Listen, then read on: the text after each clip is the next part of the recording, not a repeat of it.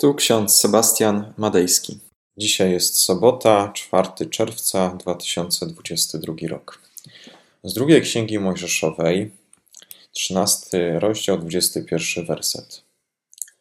Pan szedł przed nimi w dzień, w słupie obłoku, by ich prowadzić w drodze, a w nocy w słupie ognia, aby im świecić, żeby mogli iść dniem i nocą. Oraz list do Rzymian, 15 rozdział, 4 werset. Cokolwiek bowiem przedtem napisano, dla naszego pouczenia napisano, abyśmy przez cierpliwość i przez pociechę z pism mieli nadzieję. Czytając drugą księgę Mojżeszową, e, możemy zauważyć, jak Bóg prowadzi człowieka. A prowadzi lud izraelski w, w sposób zasadniczo tajemniczy. Te Boże tajemnice są jak słup ognia w nocy, jak obłok chmur w dzień. Nie wiemy, dokąd prowadzi nas Bóg. Tak jak nie wiedzieli tego Izraelici. Wiedzieli, że zmierzają do ziemi obiecanej, ale gdzie ona dokładnie jest, musieli się zdać na Mojżesza, który im wskazywał na Boga, który ich prowadził ostatecznie. Czego możemy się z tego nauczyć? Przede wszystkim tego, że możemy w życiu planować, wizualizować sobie przyszłość. Możemy modlić się o tę czy inną sprawę, ale ostatecznie i tak Bóg nas poprowadzi. W liście do Rzymian Paweł stwierdza, że potrzeba nam cierpliwości. No ale z tą cierpliwością jest u nas różnie. Jeden człowiek bywa cierpliwy jak Hiob, a ktoś inny jest w gorącej wodzie kąpany. Cierpliwość zawiera w sobie cierpienie, cierpliwość. Można mieć anielską cierpliwość w stosunku do kogoś lub czegoś, a można tracić cierpliwość i szybko się denerwować. W Biblii cierpliwość jest owocem Ducha Świętego.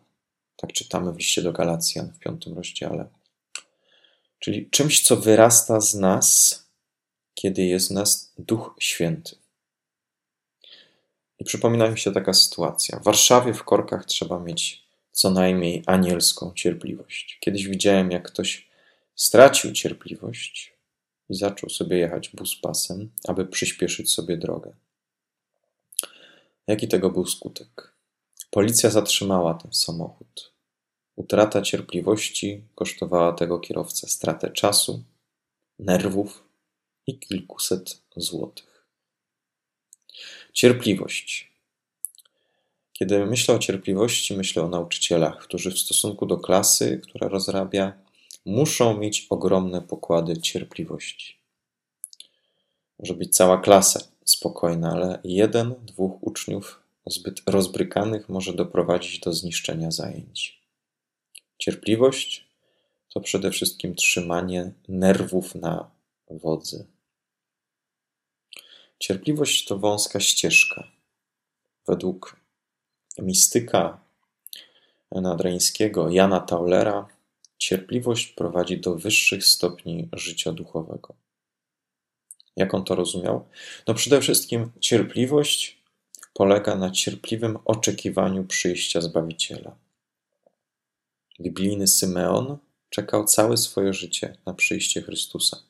I w swojej cierpliwości Bóg go wynagrodził. Dał mu oglądać Jezusa. Co prawda, jako małe dzieciątko, ale jednak cierpliwość została mu wynagrodzona. Cierpliwość charakteryzuje w ten sposób ludzi wiary. Cierpliwość jest związana z wiernością i wytrwałością. Nawet jeśli cierpliwość tracimy, to Bóg utrzymuje nas przy życiu, po to, abyśmy cierpliwość doceniali. Ksiądz Alfred Jagucki napisał: W czasie, gdy nam sprzyja szczęście i dobrze się nam powodzi, niektóre owoce Ducha Świętego się nie ujawniają, a szczególnie cierpliwość. Gdy nawet przychodzą cierpienia, choroby, bolesne straty, można chrześcijanina poznać po cierpliwości. W Piśmie Świętym było dwóch synów Dawida. Jeden nazywał się Absalom, a drugi Salomon. Absalom był człowiekiem bardzo utalentowanym, odważnym, przystojnym, jednak brakowało mu cierpliwości. Zbuntował się przeciwko swojemu ojcu. Chciał koronę dla siebie, zanim jeszcze jego ojciec mu ją zapisze w testamencie. Skończyło się to oczywiście na bratobójczej wojnie i wszystko to przez brak cierpliwości Absaloma. Salomon i Absalom. Salomon, który czeka, i Absalom, który bierze w swoje ręce sprawę i w ten sposób traci koronę ostatecznie i też głowę. Cierpliwość w życiu duchowym, życiu rodzinnym, ale także w biznesie jest kluczowa. Bez cierpliwości nie ma zysku. Bez wierności i wytrwałości nie ma cierpliwości.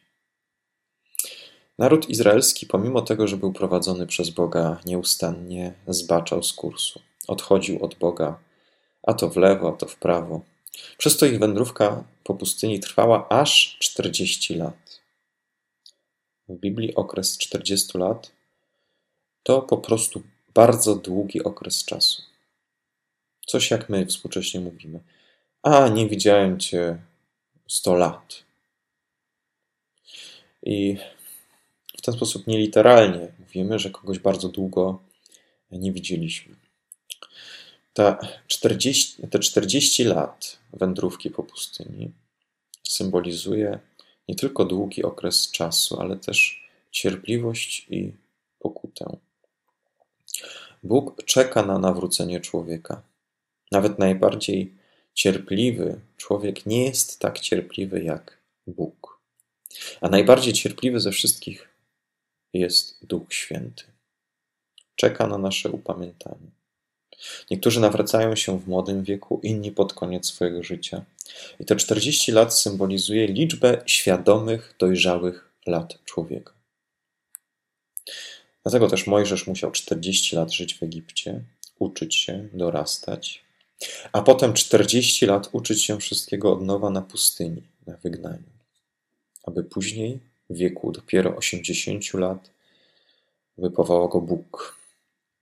Cierpliwość to jednym słowem Boży sposób na nasze zatwardziałe i niecierpliwe serca. Amen. Pomódlmy się. Duchu Święty, przyjdź i obdasz nas cierpliwością. Obdasz nas owocami Ducha Świętego, tymi, których nam brakuje.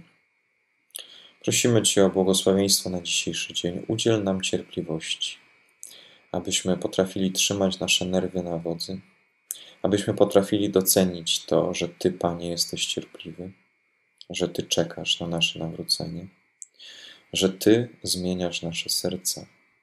Spraw, Panie, abyśmy w cierpliwości, wytrwałości, wierności oczekiwali na Twoje przyjście w chwale. Amen.